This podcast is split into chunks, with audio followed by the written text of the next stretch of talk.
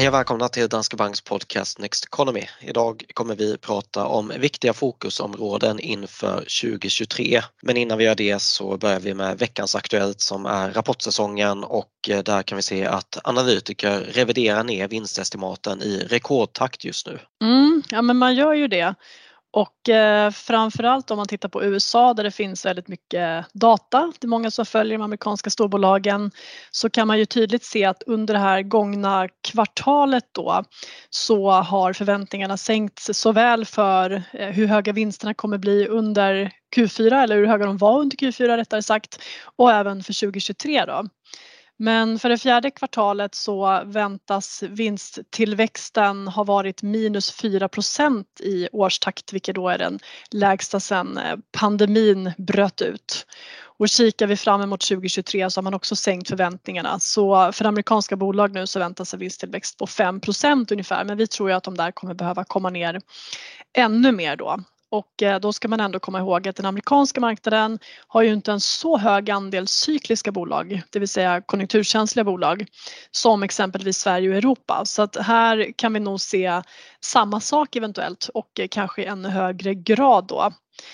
Vi ehm, såg ju inte så mycket av det här som det pratas mycket om, alltså stigande räntor och motvind för konsumenter och, och företag från svagare konjunktur i, i den förra rapportsäsongen. Vi får se om man får höra mer om det nu.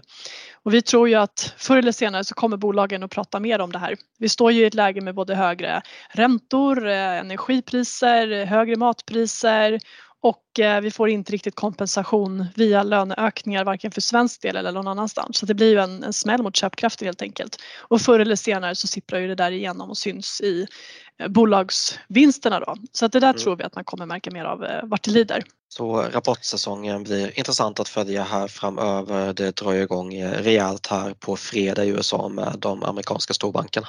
Mm, precis. Vi ska gå vidare till veckans fråga som är vad blir viktigast för börsen under 2023 och Eh, Eh, vi tar ju med oss en del teman från 2022 in i 2023. Inte minst inflation och penningpolitik. Något som kanske kommer bli ännu mer fokus i år är ju recession. Om vi då får en recession i västvärlden.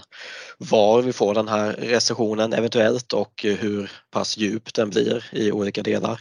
Och sen då effekterna på bolagsvinster också. Sen har vi flera andra grejer. Vi har geopolitik med Ryssland och Ukraina, vi har ju energikrisen fortfarande och så har vi ju Kina med covid-19 där.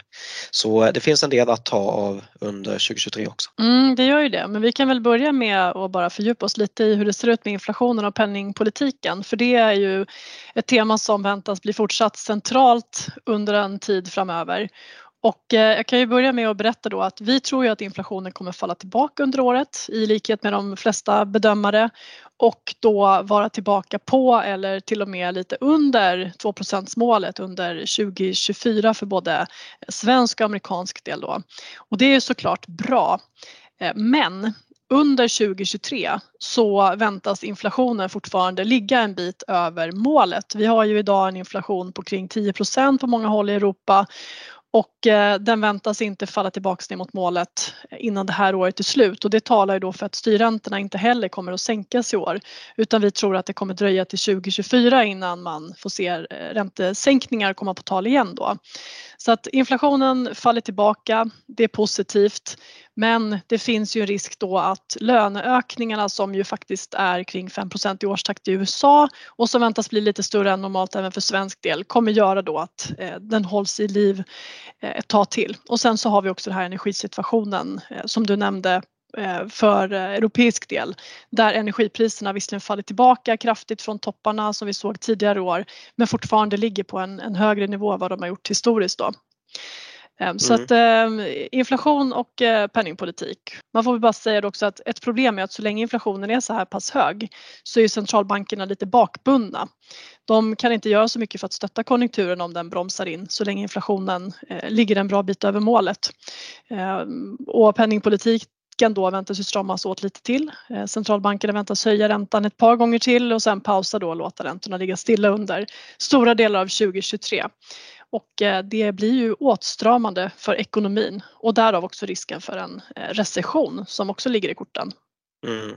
Och eh, det blir som du är inne på där svårt för centralbanker att direkt gå in och agera och eh, sänka räntor om vi går in i en recession för det är ju en recession som de själva har skapat.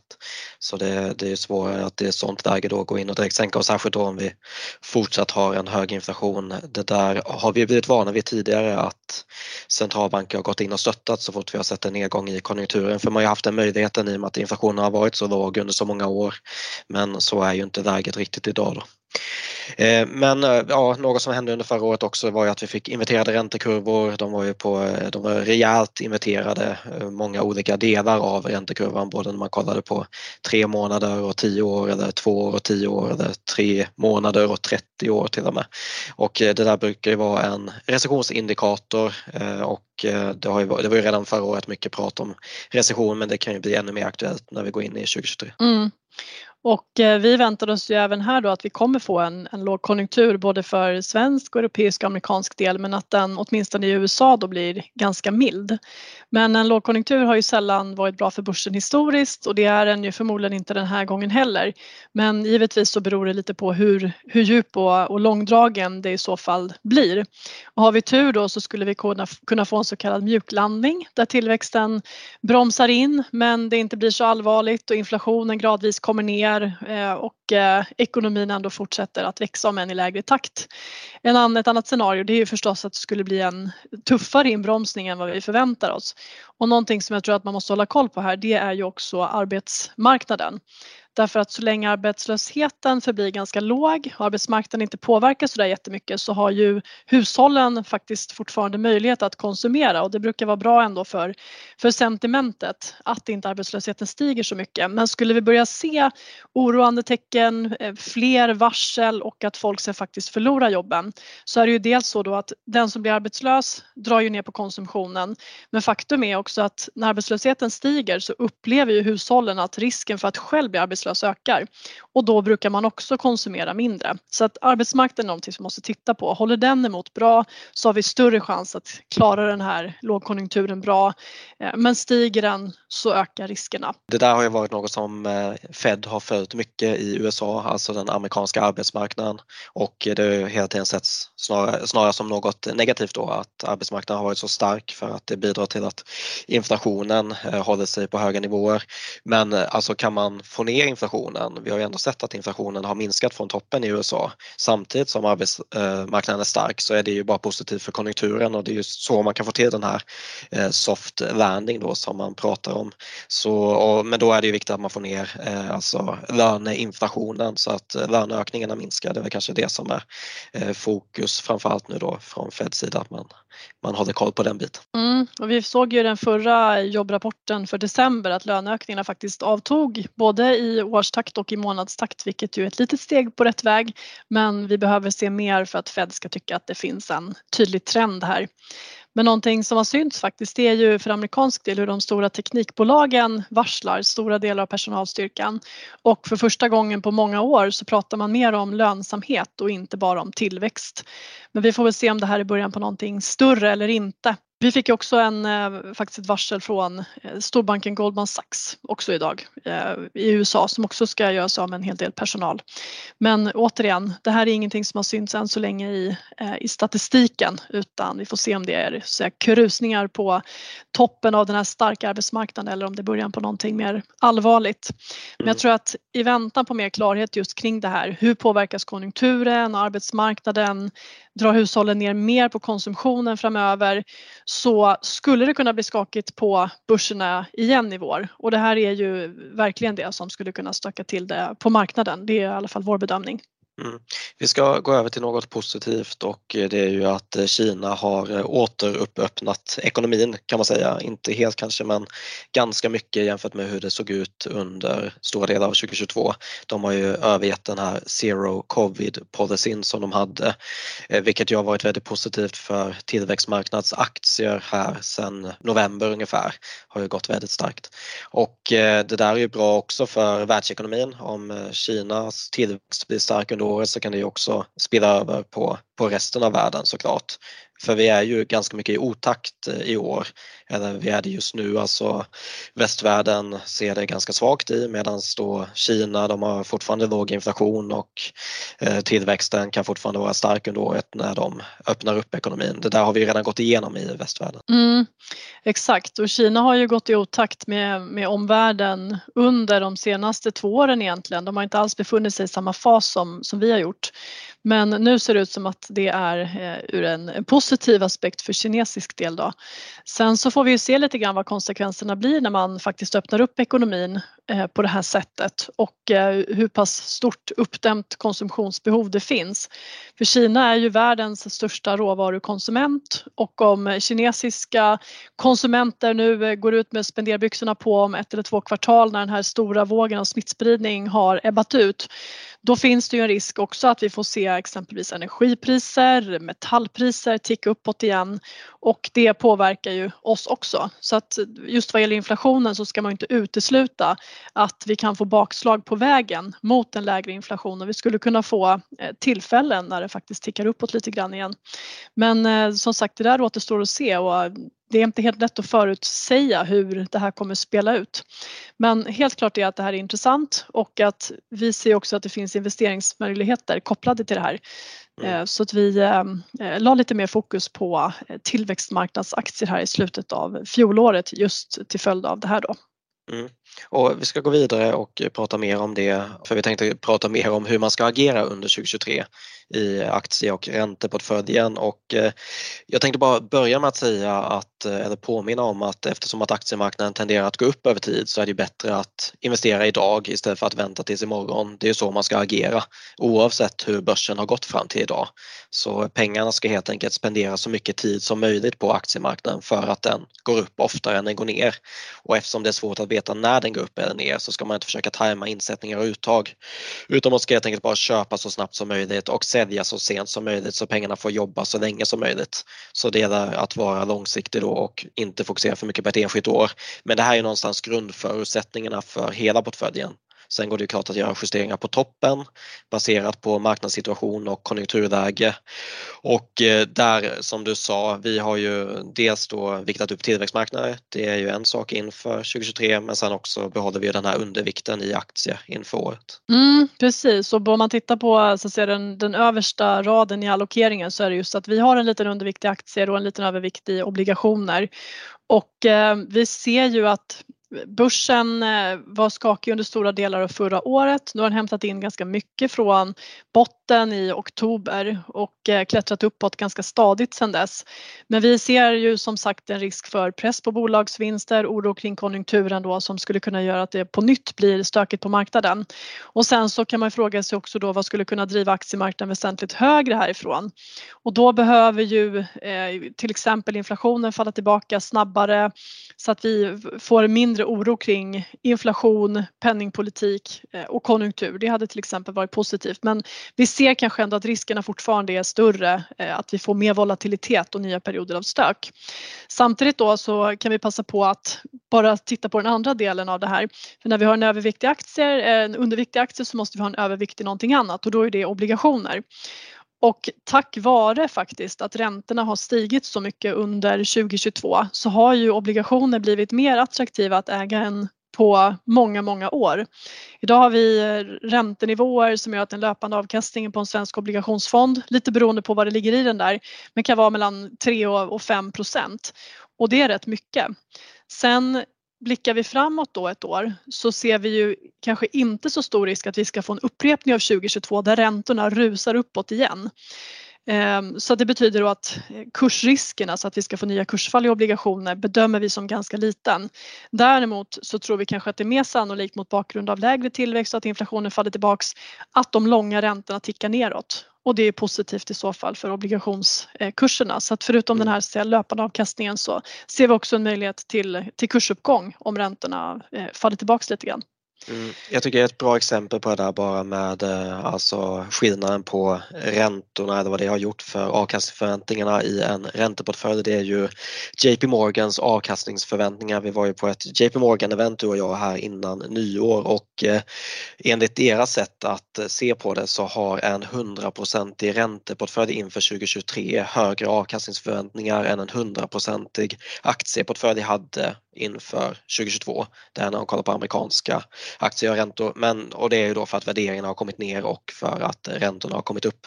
Så det säger ändå ganska mycket om hur förutsättningarna är inför i år, särskilt när man kollar på räntedelen av portföljen jämfört med hur det har varit de senaste många, många åren.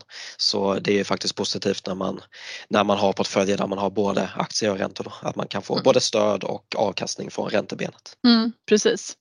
Och eh, sen så kan man ju tillägga då att både inom aktiedelen och obligationsdelen så har vi också fokus på kvalitet. Vi tycker man ska leta efter starka balansräkningar, bolag som kan hantera ett högre ränteläge och lite svagare eh, konjunktur det kan man ju hitta både dels på alla aktiemarknader, man kan hitta det inom olika sektorer um, och sen så på räntesidan då så gillar vi ju eh, obligationer, alltså lokala obligationer och sen så gillar vi investment grade obligationer, det vill säga eh, företagsobligationer med hög kreditvärdighet medan vi då är mer försiktiga eh, med eh, eh, krediter med lägre eh, kreditvärdighet som high yield exempelvis. Mm. Och det har ju också att göra med hur vi ser på, på marknaden eller på ekonomin här framöver att om vi går in i en recession så kommer det ju påverka kreditrisken mera än det kommer påverka ränterisken i en portfölj. Så vi vill ju ta mindre kreditrisk just nu då så då investerar vi i IG istället och sen då lite mer ränterisk så då tar vi lite högre duration och i mer säkra stats och bostadsobligationer istället. Mm, exakt. Bra, har vi något mer att säga om eh, utsikterna inför 2023 vad gäller portföljen? Jag tänker att vi kan ju bara kort då konstatera att eh,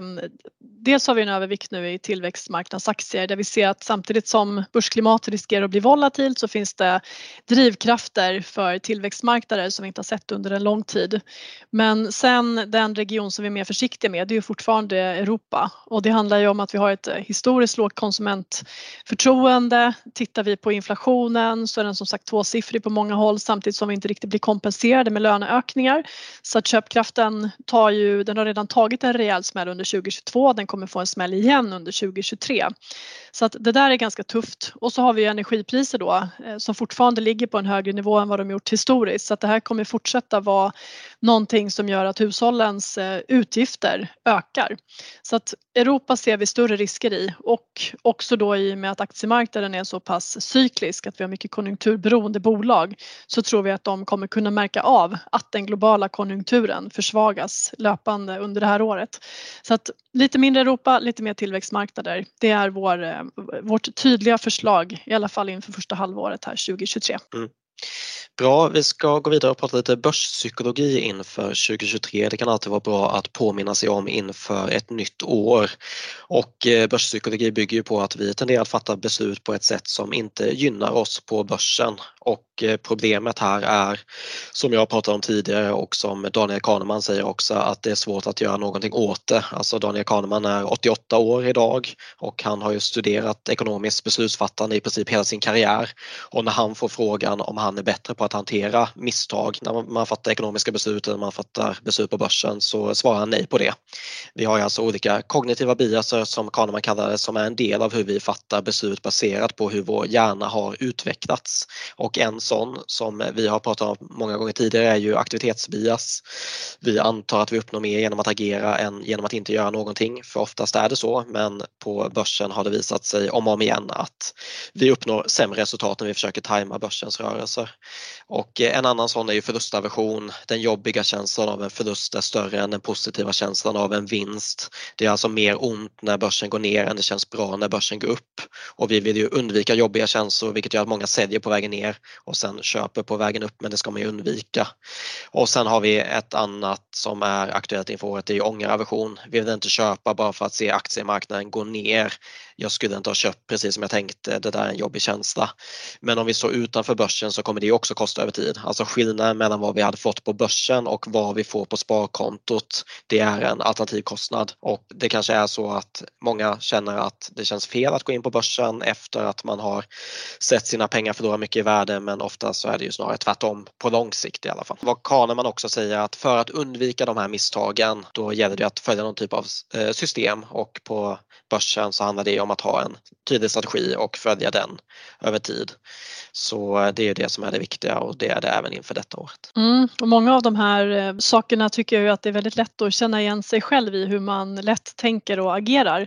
Men ett väldigt bra sätt att råda bot på detta det är ju någonting som vi har också spelat in avsnitt om men det är ju som månadssparande. Alltså att ha ett regelbundet sparande som man sätter upp i globala fonder så att man får en, en bra riskspridning där man gör mindre förändringar på toppen och sen glömmer bort det där och låter det trumma på. Det är liksom ett, ett perfekt sätt att fortsätta köpa eh, när det går ner, att eh, eh, helt enkelt låta sparandet jobba på över tid. Och det man också skulle kunna göra då om man vill försöka tajma marknaden lite, det är ju att rebalansera som vi också har pratat om många gånger. Det vill säga när aktieandelen i portföljen har ökat på grund av att börsen gått starkt, då kan man eh, förslagsvis vid årsskiftet plocka ner aktieandelen lite grann, flytta över lite till obligationer och tvärtom. När vi har haft ett, ett surt börsår så kan man passa på att öka lite i aktier. Så att det här är ett, ett systematiskt sätt att göra lite förändringar i portföljen som faktiskt över tid kan göra att man får en bättre eh, riskjusterad avkastning. Mm. Och det viktiga där är ju också då att man just behåller rätt risk i portföljen. Man vill inte ha för lite eller för mycket risk i portföljen över tid utan man ska ju ha den risk som är rätt för en själv baserat på hur ens egna situation är. Och det där är ju viktigt att fokusera på också, att man ser till att man har rätt risk. Jag tror att det var många inför 2022 som kanske hade gjort misstaget att ta på sig för hög risk när börsen hade gått väldigt starkt. Och sen att man inte spred riskerna tillräckligt. Det gick väldigt bra att investera i svenska fastigheter till exempel eller IT-bolag inför 2022 men sen så gick det inte så bra längre och eh, samma sak att man kanske då hade fokuserat för mycket på svenska aktier och inte spridit riskerna globalt, det tappade man ju också på. Och sen framförallt då att man inte höll sig till en tydlig strategi under 2022 utan man kanske bara föll för vad som eh, skrevs i tidningar eller vad andra gjorde och eh, kanske sålde bort sig när man inte skulle ha gjort det. Så mm. Eh, ja, viktiga saker att påminna om återigen. Mm. Och det är väldigt lätt att fastna i det där. Trots att man är en långsiktig eh, sparare eller investerare och du investerar pengar som du ska ha många år fram i tiden eller kanske till och med vid pensionen. Men sen så hamnar man ändå i att man sitter och läser rubriker och oroar sig, tittar på hur börsen går under en enskild dag eller vecka eller månad och börjar göra förändringar baserat på det. Men vi har ju sagt förut, eh, rikta blicken mot horisonten, sparar du långsiktigt så ska du tänka långsiktigt, läs gärna om det som händer men var inte inne och peta i portföljen baserat på hur det ser ut här och nu. Och eh, stoppa inte något månadssparande eh, bara för att du är orolig för att det kan gå ner lite igen utan låt det trumma på, eh, låt portföljen vara i fred så kommer det förmodligen gå bättre än om du eh, försöker göra smarta förändringar hela tiden. Mm. Bra, vi ska gå vidare till veckans studie som också kopplar an till det här ämnet. Författarna av den här studien de studerar avkastningen för aktier i Russell 3000 mellan 1983 och 2006 och de visar då att indexavkastningen och avkastningen för de enskilda bolagen i indexet eh, skiljer sig åt ganska markant. Till exempel så gav 39 av bolagen negativ avkastning. Det var 18,5% av bolagen som förlorade minst 75 25 av värdet och sen hade vi 25% av bolagen som stod för hela avkastningen under perioden. Så om man hade missat de 25% bäst avkastande bolagen och istället investerat i resterande 75% så hade man haft 0 i avkastning mellan 1983 till 2006. Och eh, man brukar prata om två typer av misstag på aktiemarknaden. Det ena handlar då om köp som gick fel och det kallas för mistakes of commission på engelska. Och det andra om köp du aldrig gjorde och det är då mistakes of omission och det visar sig ofta att det andra misstaget kostar mest över tid. Så att avstå från att investera i de bäst avkastande bolagen kan bli ett stort misstag. Eh, men då med en bredare diversifiering så ökar ju chansen att man får med de bolagen som står för majoriteten av avkastningen. Och jag tycker att indexfondens skapare Jack Bogle, han sa det bra för han sa att man inte behöver leta efter nålen i hörstacken. Det är bättre att bara köpa hela hörstacken. Så en slutsats från den här studien och andra av den här typen av studier är ju att man har två alternativ. Antingen så försöker man hitta de här fåtal bolagen som blir vinnare och står för majoriteten av avkastningen eller så väljer man att diversifiera och vi brukar rösta på alternativ nummer två. Och som vi varit inne på tidigare, eftersom att ett fåtal bolag och ett fåtal börsdagar står för majoriteten av resultaten så kan du ha fel en stor del av tiden men fortfarande bygga en förmögenhet på sikt. Så om du investerar brett och investerar regelbundet så kommer du ha fel en stor del av tiden. Men det kommer ändå bli bra över tid och det är ju då för att det här mindre delen dagar, mindre delen bolag väger upp för allt dåligt beslutsfattande under tiden. Och det känns ju spontant eh, mycket lättare att lyckas med att eh, skaffa sig en bred portfölj med, med lite av allt och att bara vara uthållig och investera långsiktigt än att försöka hitta de här få börsdagarna när börsen rusar och eh, de få bolagen som skapar den här avkastningen. Så att jag skulle säga att för nästan alla människor så är det eh, ett ganska enkelt sätt faktiskt att bygga ett, eh, ett eh, framgångsrikt sparande på sikt. Mm. Bra, med det ska vi avrunda för idag. Ni får som vanligt gärna ställa frågor i frågeformuläret så kommer vi ta upp dem här i podden och kom gärna med förslag på ämnen som vi ska ta upp också framöver. Och eh, följ oss gärna på Twitter, gå in på nexteconomy.se. Det är vår nyhetssajt och där hittar ni både poddar, bloggar, filmer och eh, krönikor. Och med det tackar vi för den här veckan och så hörs vi igen om eh, två veckor. Det gör vi. Tack och ha en fin vecka.